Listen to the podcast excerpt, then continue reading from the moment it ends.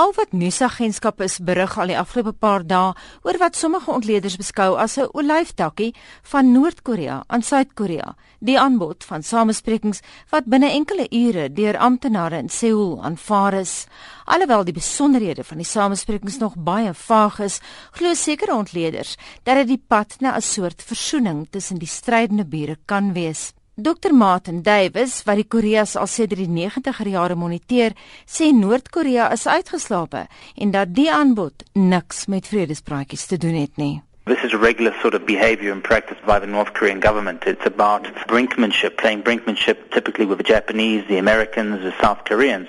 En die motief vir Noord-Korea sal self geldend en beslis in eie belang wees, glo Davis. Concessions around some aid, maybe some concessions they'll always push to try and throw a span in the works of this Seoul Washington relationship of sorts, using of often trying to push for a reduction in military collaboration between the two. It's the usual North Korean tactic. Intussen is sommige ontleeders in Suid-Korea opgewonde oor die moontlikheid dat menseregte dalk een van die agendapunte mag wees. Suid- en Noord-Koreaanse gesinslede wat tydens die 1950 tot 53 oorlog geskei is, poog al vir dekades om toegewings oor hulle moontlike vereniging uit die Noord-Koreaanse regime te verkry maar tot dusver te vergeefs.